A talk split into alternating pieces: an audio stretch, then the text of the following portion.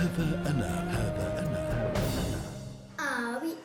problème. باريس الحادي والعشرون من نوفمبر من عام 1694 إنه عصر التنوير في أوروبا. فرانسوا ماري أغوي الطفل الخامس والأصغر لفرانسوا أروي ومارغريت دوماغيت يرى النور ليصبح الطفل الوحيد لأبويه بعدما توفي أشقاؤه الأربعة.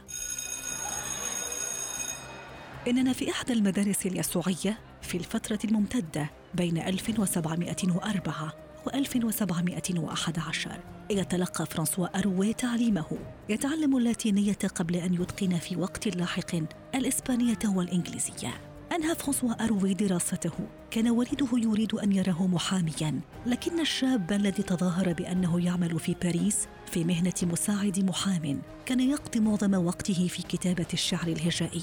ما إن كشف أمره حتى أرسله والده لدراسة القانون. لكن هذه المرة في إحدى المقاطعات الفرنسية البعيدة عن باريس. لكن هيهات استمر الشاب العنيد في كتابة المقالات والدراسات التاريخية وأكسبته شخصيته الشعبية لدى العائلات الأرستقراطية التي كان يختلط بها.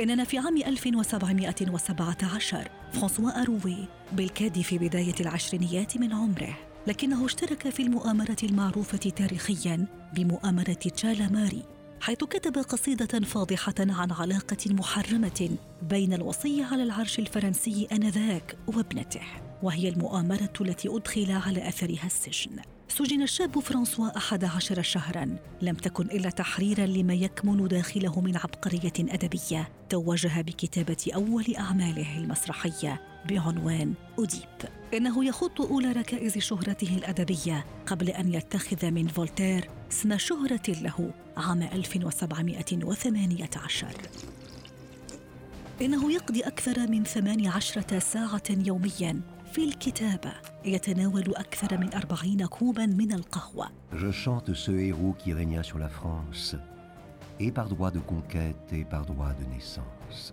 عام 1723 لقد انتهى فولتير من كتابة أشهر أعماله الشعرية أنغياد. ثم أتبعها بسلسلة من أقوى أعماله الدرامية وهي ماريامن عام 1724 ثم مسرحية زائير يستمر فولتير في كتابة المسرحيات التراجيدية ومنها ماهوميت عام 1736 ونانين عام 1749 أما أشهر أعماله الفلسفية فاتخذت شكل القصص القصيرة ومنها ميكروميغاس عام 1752 بالإضافة إلى الرواية الساخرة الشهيرة كانديد عام 1759 نشر فولتير رسائل فلسفية بعنوان Letters on the English. قرن فيها بين ثقافة وحكومة المجتمع الإنجليزي والفرنسي مما أثار غضب الكنيسة والحكومة الفرنسية. فاضطر الكاتب إلى الهروب لملاذ آمن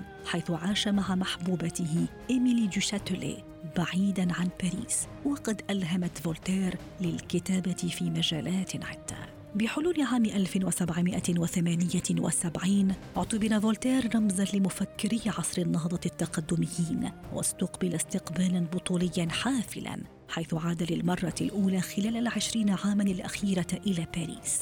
تنقل فيها بين بريطانيا وروسيا وسويسرا ولم يكد ينتصف العام حتى توفي واحد من أكبر مفكري وفلاسفة عصر التنوير وهو في الرابعة والثمانين من العمر.